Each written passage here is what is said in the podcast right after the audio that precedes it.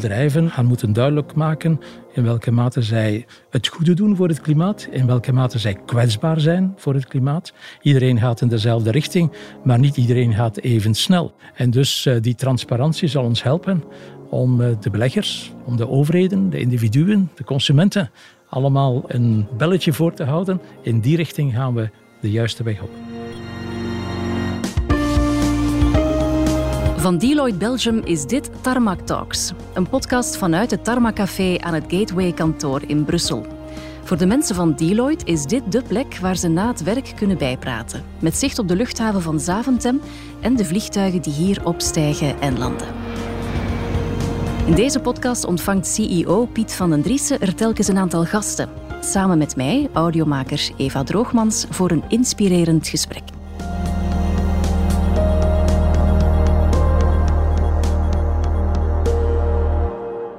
Ik ben Eline Brugman, partner bij Deloitte en ik ben verantwoordelijk voor onze duurzaamheidsdienstverlening. En met Deloitte willen we impact hebben als onderneming.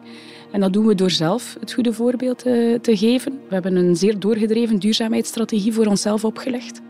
Maar uiteraard nog belangrijker is hoe we onze klanten uh, bedienen. En dat zijn zowel overheden als bedrijven die we helpen bij het opzetten van een duurzaamheidsstrategie tot en met implementatie en rapportering.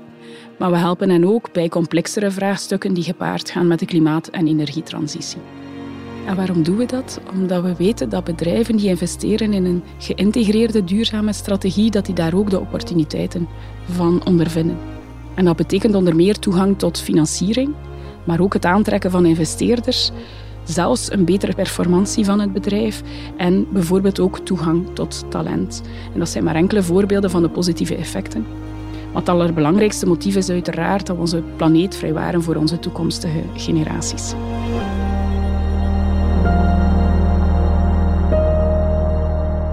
Je hoorde net Eline Brugman van Deloitte Belgium en bij mij zit Piet van den Driessen, de CEO. Dag Piet. Dag Eva. Piet, we gaan het vandaag hebben over duurzaamheid. Dat is een hot topic, ook in het bedrijfsleven natuurlijk. Sinds wanneer staat het bij jullie op de radar en hoe hoog staat het daarop? Het staat op de radar sinds 2017 en staat vrij hoog op onze agenda. We zien het eigenlijk als organisatie en als werkgever als onze verantwoordelijkheid om een leidende rol te gaan spelen in uh, duurzaamheid en de duurzame transitie van onze samenleving. En daarom hebben we als ambitie gesteld om tegen 2030 koolstofneutraal te zijn. En we zijn eigenlijk sinds 2017 gestart met een ja, breder duurzaamheidsplan binnen Deloitte gefocust op vier accenten. Ten eerste mobiliteit, omdat dat staat voor 70% van onze uitstoot. We hebben een mobiliteitsplan uitgerold naar onze medewerkers om eigenlijk onze medewerkers aan te moedigen om stil te staan bij hun mobiliteitskeuze. Uiteraard afhankelijk van hun persoonlijke noden. En goed, de wagen speelt daar nog altijd een belangrijke rol in, maar misschien niet meer de enige rol. Hè. Uh, het gaat erom dat men eigenlijk ja, alle opties bekijkt. En dat kan de wagen zijn, maar dat kan ook het openbaar vervoer zijn. Dat kan carpooling zijn, elektrische fiets, enzovoort, enzovoort. En daarnaast hebben we ook gekeken naar ons wagenpark aan zich. En vandaag reeds is 26% van ons uh, wagenpark elektrisch of uh, hybride. En we hebben de ambitie om dat te versnellen eigenlijk naar 2026. Tegen die tijd moet dat volledig 100% elektrisch of hybride zijn. Daarnaast zijn er de zakenreizen, hè, uh, onze internationaal verplaatsen. Ook daar hebben we uh, een aantal maatregelen genomen. Onze infrastructuur, onze gebouwen, daar hebben we ook naar gekeken en uh, groener gemaakt. En, en dat, ook naar de locatie bijvoorbeeld van onze gebouwen, dicht bij een station. En tenslotte een aantal ja, groene initiatieven, zoals ik ze zou noemen, zoals bijvoorbeeld afvalvermindering of papierverbruik. Dus dat zijn eigenlijk de thema's die aan bod zijn gekomen uh, met een volle transparantie naar onze stakeholders toe, naar onze medewerkers, uh, onze klanten. Elk jaar publiceren we een duurzaamheidsrapport met onze ambities en ook onze realisaties. En nu is er ook een podcast. Wie heb jij vandaag uitgenodigd voor deze aflevering? Wel, ik heb Jos Delbeke uitgenodigd. Ik ben heel blij dat Jos bij ons is. Meneer Delbeke of Jos? Wat je mogen zegt we zeggen? Jos, ja. Dat is fijn. Oké, okay, Jos. Uh, Piet, zou jij Jos even kunnen voorstellen aan de luisteraar? Wel, Jos is uh, professor in economie, maar is uh, vooral bekend als ja, voormalige directeur-generaal voor het klimaat bij de Europese Commissie en is dus een zeer ervaren klimaatexpert. En we hebben elkaar ontmoet Meerdere malen, maar vooral ook in het kader van een studie die Deloitte heeft gedaan voor VLAIO, het Vlaams Agentschap voor Ondernemingen en Innoveren, over de transitie naar een koolstofarme Vlaamse industrie. Jos, welkom. Fijn dat je er bent. Sinds eh, een aantal jaar staat duurzaamheid in het bedrijfsleven heel hoog op de agenda, maar het is lang een soort van bijgedachte geweest, niet de absolute topprioriteit. Wanneer ben jij beginnen voelen dat dat veranderde en wat heeft voor jou zelf de ogen geopend? Wel, toen ik uh, mijn carrière begon, ben ik aan de academische sector heel actief geweest. En daar heb ik het industriële verleden van België bestudeerd. Dat is een groots verleden. En de rol van technologie daarin. Technologie en investeringen. Dat is een leidraad in mijn denken. Uh, maar toen ik bij Europa kwam, uh, was het verdrag van Rome net aangepast. En daar is, zat een hoofdstuk in over duurzame ontwikkeling. En uh, als economist werd ik aangetrokken om dat mee te helpen professionaliseren. En daar zijn we naar gaan kijken. Hoe kunnen we dat op een kostenefficiënte manier doen? Hoe kunnen we dat op een pragmatische manier doen? Wat is de rol van duurzame technologie daarin? En dus ben ik daar ingerold in de jaren negentig. En van het ene probleem is het andere gekomen. Toen was het luchtkwaliteit, waterkwaliteit. Nu is het voornamelijk klimaat. En uh, vandaar uh, ben ik heel blij om uh, aan dit gesprek deel te nemen, samen met Piet. Omdat ik weet hoe, hoeveel Deloitte al gepresteerd heeft op dit vlak. Ja, daar gaan we het zo meteen ook over hebben. Dus Jos, eigenlijk ben jij er al van bij het begin bij. Wel, je kan het zeggen. Ik ben geen uh, milieuwetenschapper of geen klimaatwetenschapper. Ik ben een beleidspersoon. Dus uh, wat kun je daaraan doen? Waar moet je beginnen? Wat zijn kostenefficiënte methodes om beleid te ontwikkelen? Vandaar het marktgerichte denken, dat toch wel een heel belangrijk denken is in Europa.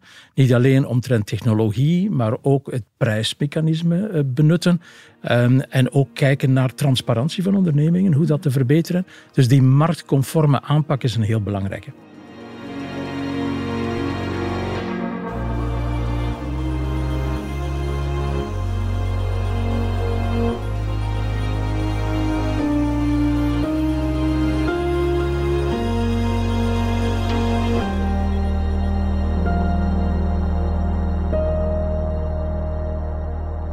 Zoals we weten dat we als wereld de overgang moeten maken naar een groene en duurzame toekomst. We weten ook dat dat een lange weg wordt. Waar staan we eigenlijk vandaag? Wel, als we kijken naar het klimaatprobleem, dan zijn we in Europa zo een beetje halverwege. Um, we hebben gezegd dat we tegen 2030 55% reductie gaan realiseren van onze uitstoot. Uh, we zitten nu aan 25%. Dus je kan zeggen, er is nog veel werk voor de boeg tussen nu en 2030. En een van de zaken die we moeten doen, is niet alleen doelstellingen formuleren, die toepassen, maar voornamelijk in de energiesector kijken wat we kunnen doen. En steenkool is daar een heel belangrijke. Onze industriële revolutie was gebaseerd op steenkool. Mhm. En nu zijn we gelukkig grotendeels af van steenkool. We gebruiken nog andere fossiele brandstoffen, zoals olie, zoals gas. En dus moeten we ervoor zorgen dat we zo snel mogelijk van die fossiele brandstoffen afgeraken door veel meer energie te besparen en veel meer in te zetten op uh, hernieuwbare energie voornamelijk, want de doelstellingen zijn er en de oorlog in Oekraïne die uh, drukt ons met de neus op de feiten. -hmm. En als je het over doelstellingen hebt, dan heb je het over de Green Deal, veronderstel ik. Wel, inderdaad. De Green Deal is eigenlijk dat Europa heeft uh, beslist dat we tegen 2050 een klimaatneutraal continent worden. Dat is een heel ambitieuze doelstelling. Ja. En tegen 2030 hebben we beslist om dat met 55% te verminderen. Dus dat zijn twee zeer belangrijke en uitdagende doelstellingen. En eigenlijk komt de Green Deal daarop neer van de Europese Commissie. Het is een gigantisch investeringsprogramma. Investeringsprogramma naar die technologieën die we nodig hebben in de toekomst. Enorm veel energie besparen in energie, in transport, in de industrie, in de gebouwen, huishoudens besparen en duurzame energie verbruiken meer en meer. Dus dat komt eigenlijk daarop neer. Een bijzondere uitdaging is de industrie, omdat de industrie heel veel energie verbruikt. Denk aan cement, denk aan chemie, denk aan staal, non-ferro. En daar hebben we heel wat radicale technologische omschakelingen nodig, eh, die alleen door de industrie kunnen gerealiseerd worden, met natuurlijk input uit de academische sector, een sturende overheid, uh, infrastructuur die de overheid ook zal moeten aanleggen en het geheel van al die maatregelen. Dat is die Green Deal. En daarvoor heeft Europa heel wat middelen ter beschikking gesteld. Piet, als we terugkomen op wat jij in het begin zei, herken ik eigenlijk alles wat Jos zojuist heeft opgenoemd. De bewustwording die is er, de nieuwe technologieën die zijn er en nu is het eigenlijk tijd om ze uit te rollen en in de praktijk te brengen. Vat ik dat goed samen zo? Ja, dat klopt. Die bewustwording is er, maar we moeten ons blijven de vraag stellen waarom we dit doen. Eh, we willen ook als Deloitte een maatschappelijk verantwoorde speler zijn in een bredere maatschappij waarin dat we opereren. Er is daarnaast ook het regelgevend kader, wat, eh, wat Europa vooral heeft uitgetekend. Niet meer alleen eh, wat is de winstsituatie in cijfers, maar ook wat is ja, de CO2-uitstoot en wat zal ik eraan doen om die te verbeteren, zodanig dat er op een transparante manier vanuit de onderneming wordt gecommuniceerd naar ja, ook naar stakeholders, naar leveranciers, klanten, eh, financiers, aandeelhouders enzovoort. Jos, kan jij je aansluiten bij wat Piet vertelt? Ja, helemaal. En de wetgeving die op til staat te worden toegepast, ehm, is uh, voornamelijk het inzetten op die transparantie. Bedrijven gaan moeten duidelijk maken in welke mate zij het goede doen voor het klimaat, in welke mate zij kwetsbaar zijn voor het klimaat, ook voor uh, de internationale concurrentie. We hebben het verdrag van Parijs. Iedereen gaat in dezelfde richting, maar niet iedereen gaat even snel.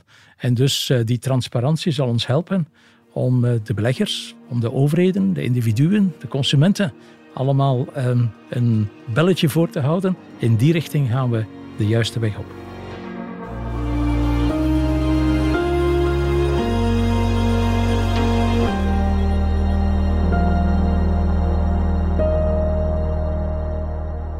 De klimaat- en energietransitie is uh, een van de grootste uitdagingen op vandaag. En daarbij moeten we zeker twee zaken doen. Dat is voor eerst versnellen.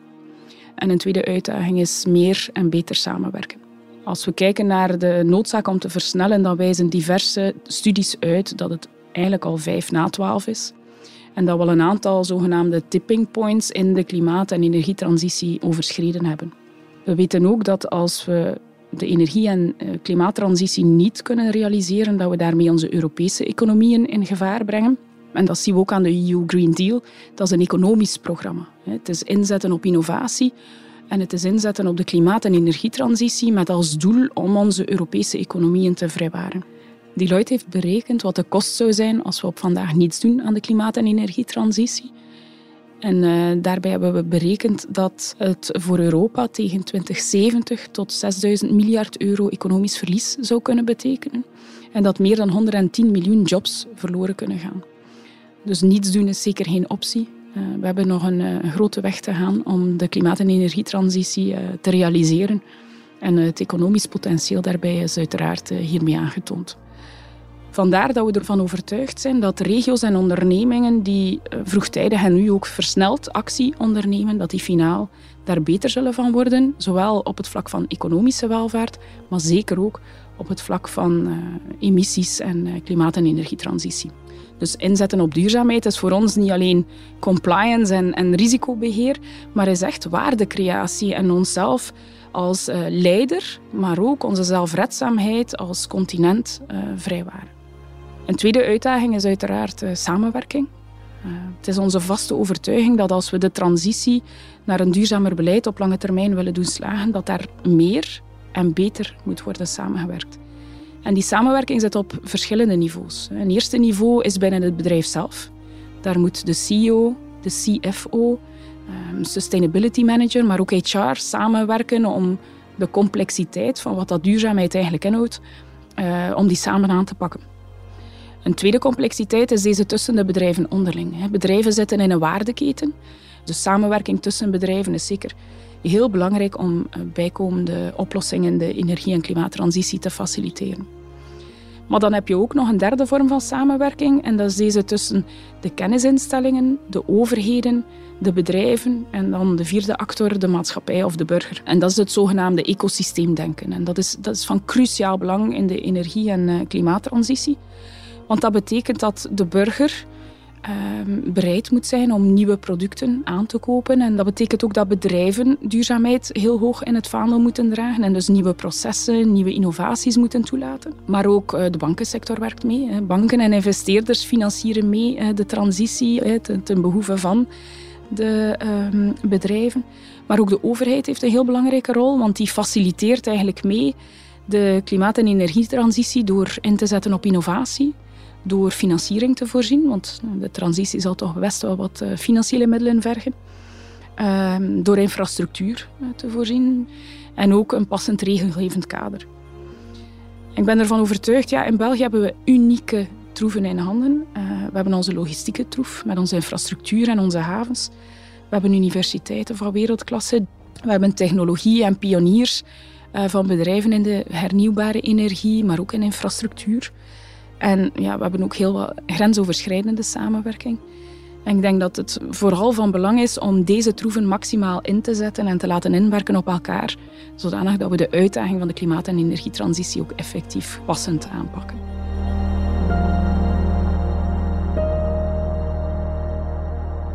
Op langere termijn is het dus belangrijk dat zowel ondernemingen als individuen hun steentje bijdragen. Maar hoe zie jij dit werken en vooral goed komen, Jos? Wel, ik denk dat uh, wij een samenspel nodig hebben. We hebben de individuen, we hebben de bedrijven en we hebben de overheid. Uh, de overheid moet regulerend optreden, moet infrastructuur opzetten om een optimaal kader te scheppen voor de ondernemingen. Nu, de ondernemingen zijn de echte, serieuze kernschakel in heel dat geheel. Want die nieuwe producten, die nieuwe diensten, die moeten worden geproduceerd op basis van investeringen in die juiste technologische ontwikkeling. Dus de bedrijven zijn absoluut van groot belang. En het is voor de overheid heel belangrijk om ervoor te zorgen dat wat wij vragen aan de overheid, om dat ook kostenefficiënt te doen, om dat coherent te doen, om een stabiel lange termijnkader aan te bieden. En ik denk eh, dat er nog een beetje werk aan de winkel is, maar het samenspel tussen Europa de Belgische en de Vlaamse overheid is toch wel goed uh, bezig om dat regelgevend kader goed en wel en klaar duidelijk te zetten. En het gaat ook denk ik over welke plek Europa in dat hele geopolitieke schouwspel kan innemen. Ja, inderdaad. En de oorlog in de Oekraïne maakt ons natuurlijk wel um, heel alert over waar we staan in en Europa. En kwetsbaar misschien ook. En hoe, welke kwetsbaarheden er nog altijd zijn. Fossiele brandstoffen, we faseren ze uit, maar veel te traag. Dat zien we nu met uh, heel de problematiek rond gas. Dus uh, we moeten uh, een hele nieuwe weg inslaan weg van die fossiele brandstoffen. En geopolitiek zou dat Europa sterker moeten maken. Uh, dus we gaan energie minder moeten verbruiken, duurzamer moeten verbruiken en wat nodig is invoeren, maar op een manier waarop we het risico spreiden en niet al te zeer afhankelijk zijn van één grote leverancier. Die les hebben we nu wel geleerd, denk mm. ik. Ja. Hoe zie jij die transitie naar die duurzame toekomst? Welke actoren zie je daarin aanwezig? Wel, zoals Jos zei, de burger, de overheid en de onderneming. Laat mij vooral stilstaan bij die laatste speler, hè, de onderneming die inderdaad die innovatie moet bewerkstelligen, maar die ook zijn eigen processen kan gaan herbekijken. Hè. Misschien is het te duur en ook niet goed voor het milieu om alles vanuit China te importeren. Dan gaan we terug dichter bij huis gaan produceren, wat misschien goed is voor de lokale tewerkstelling. En daarnaast kijken we ook naar um, de investeringen in meer duurzame energie, in, in, zonne- en windenergie, die versneld zal worden. Ja, omdat het nu eenmaal uh, niet alleen goedkoper is of, of uh, economischer is, maar misschien ook beter voor het milieu. Dus die twee gaan wellicht uh, hand in hand, maar de onderneming is echt bezig met die innovatie, met het bedenken van die innovatieve oplossingen om doeltreffender uh, om te gaan met zijn productieprocessen en zijn toevoerketens, om op die manier eigenlijk die energieomslag te versnellen. Mm, innovatie vraagt tijd natuurlijk. Hè. Dan hebben we het over veranderingen op lange termijn. Jos, zijn we op dit moment toch al wel in de juiste richting aan het evolueren? Dat denk ik zeker. En het element dat eh, Piet net komt aan te halen omtrent onze supply chains, die we minder kwetsbaar moeten maken en misschien meer naar Europa moeten brengen. Daar is een heel belangrijk concept in ontwikkeling van strategische autonomie. Uh, welke kwetsbaarheden nemen we mee wanneer we een aantal dingen in de wereld aankopen en produceren en in onze productieketens uh, insluiten. Eén uh, mooi voorbeeld, mooi en, en minder mooi, is wat Europa heeft gepresteerd op het vlak van zonnepanelen en zonne-energie. Het is hier uitgevonden. Het is dan massaal naar China vertrokken. En het voordeel daarvan is dat we die zonne-energie zeer goedkoop geproduceerd hebben gekregen. Maar nu komen er toch wel nieuwe uh, concepten op. Zijn we niet te afhankelijk? Moeten we niet meer daarvan terug in Europa produceren? Misschien zijn er al nieuwe generaties van zonne-energie waarin we moeten investeren. En die twee zouden we dus kunnen combineren. Strategisch onafhankelijker worden en in een nieuwe generatie van technologie investeren. Dus het is een zeer intensieve technologische ontwikkeling waarvan ik zou hopen dat Europa veel meer zelf daarvan produceert en minder kwetsbaar is van het buitenland. Dat betekent niet protectionisme, maar dat is wel een beetje meer oog hebben voor de kwetsbaarheden die internationale handel met zich kan meebrengen. Mhm. Wat die zonne-energie betreft, hoor ik jou nu zeggen dat binnen x aantal tijd zonne-energie de goedkoopste energievorm zou kunnen worden? Wel, als het gaat over het investeren voor opwekking van elektriciteit, is zonne-energie vandaag de goedkoopste in Europa, maar ook wereldwijd. Vandaar dat de zonne-energie een zeer stormachtige ontwikkeling kent. En uh, is er nu zaak om nog meer en gesofisticeerde uh, manieren van zonne-energie op te wekken. Dat is nu aan de orde. Nieuwe generaties technologie komen eraan. We spelen daar in Europa en in Vlaanderen een wereldwijde rol in. Uh, en het is niet alleen zonne-energie, windenergie, het is ook opslag van energie, het is ook de digitale ontwikkeling, de infrastructuur. Het is een hele keten waarin we in Europa uh, toch wel tamelijk ver staan en waarin Vlaanderen helemaal zijn graantje kan meepikken.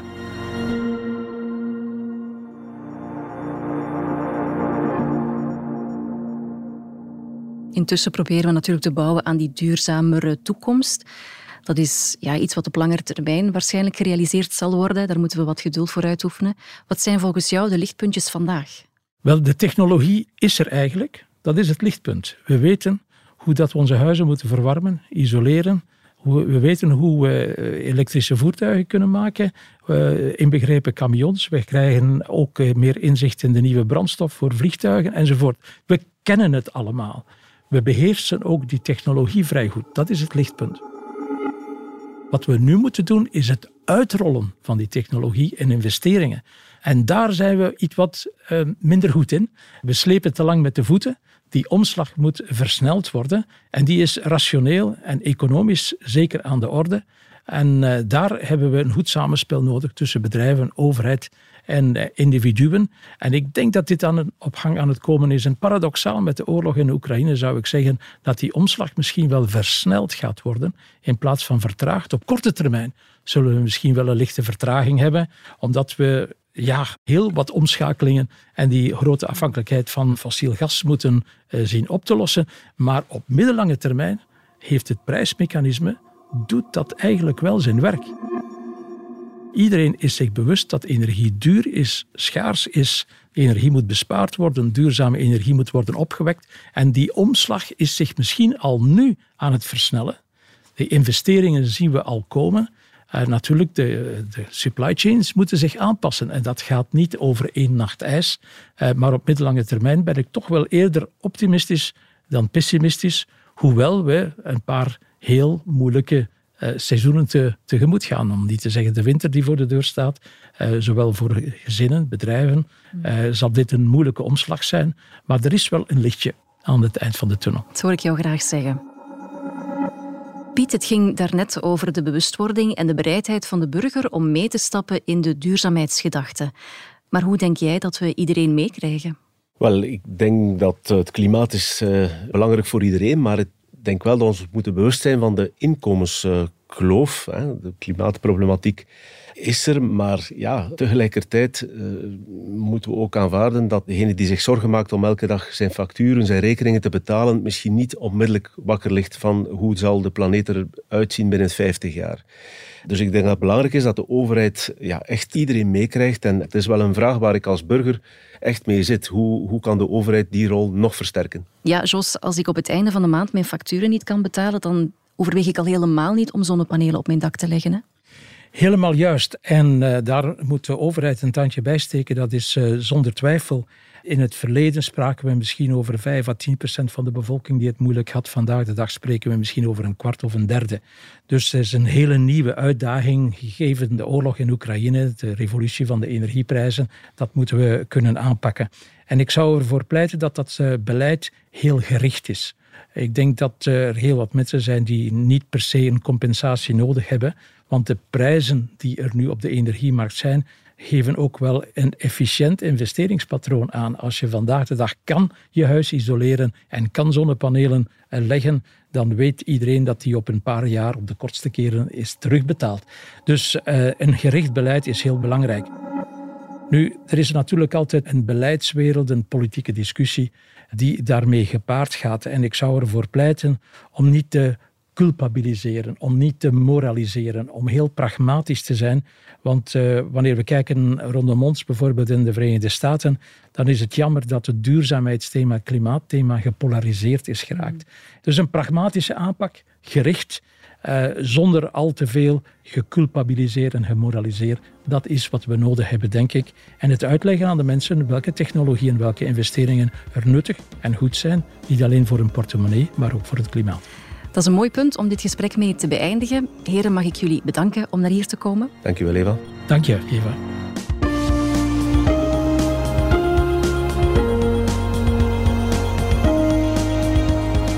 Dit was Tarmac Talks van Deloitte vanuit het Tarmac Café. Wil je reageren, dan kan je ons contacteren op tarmactalks.deloitte.be. En als je deze podcast interessant vond, abonneer je dan via je favoriete podcast-app. Bedankt voor het luisteren en tot gauw.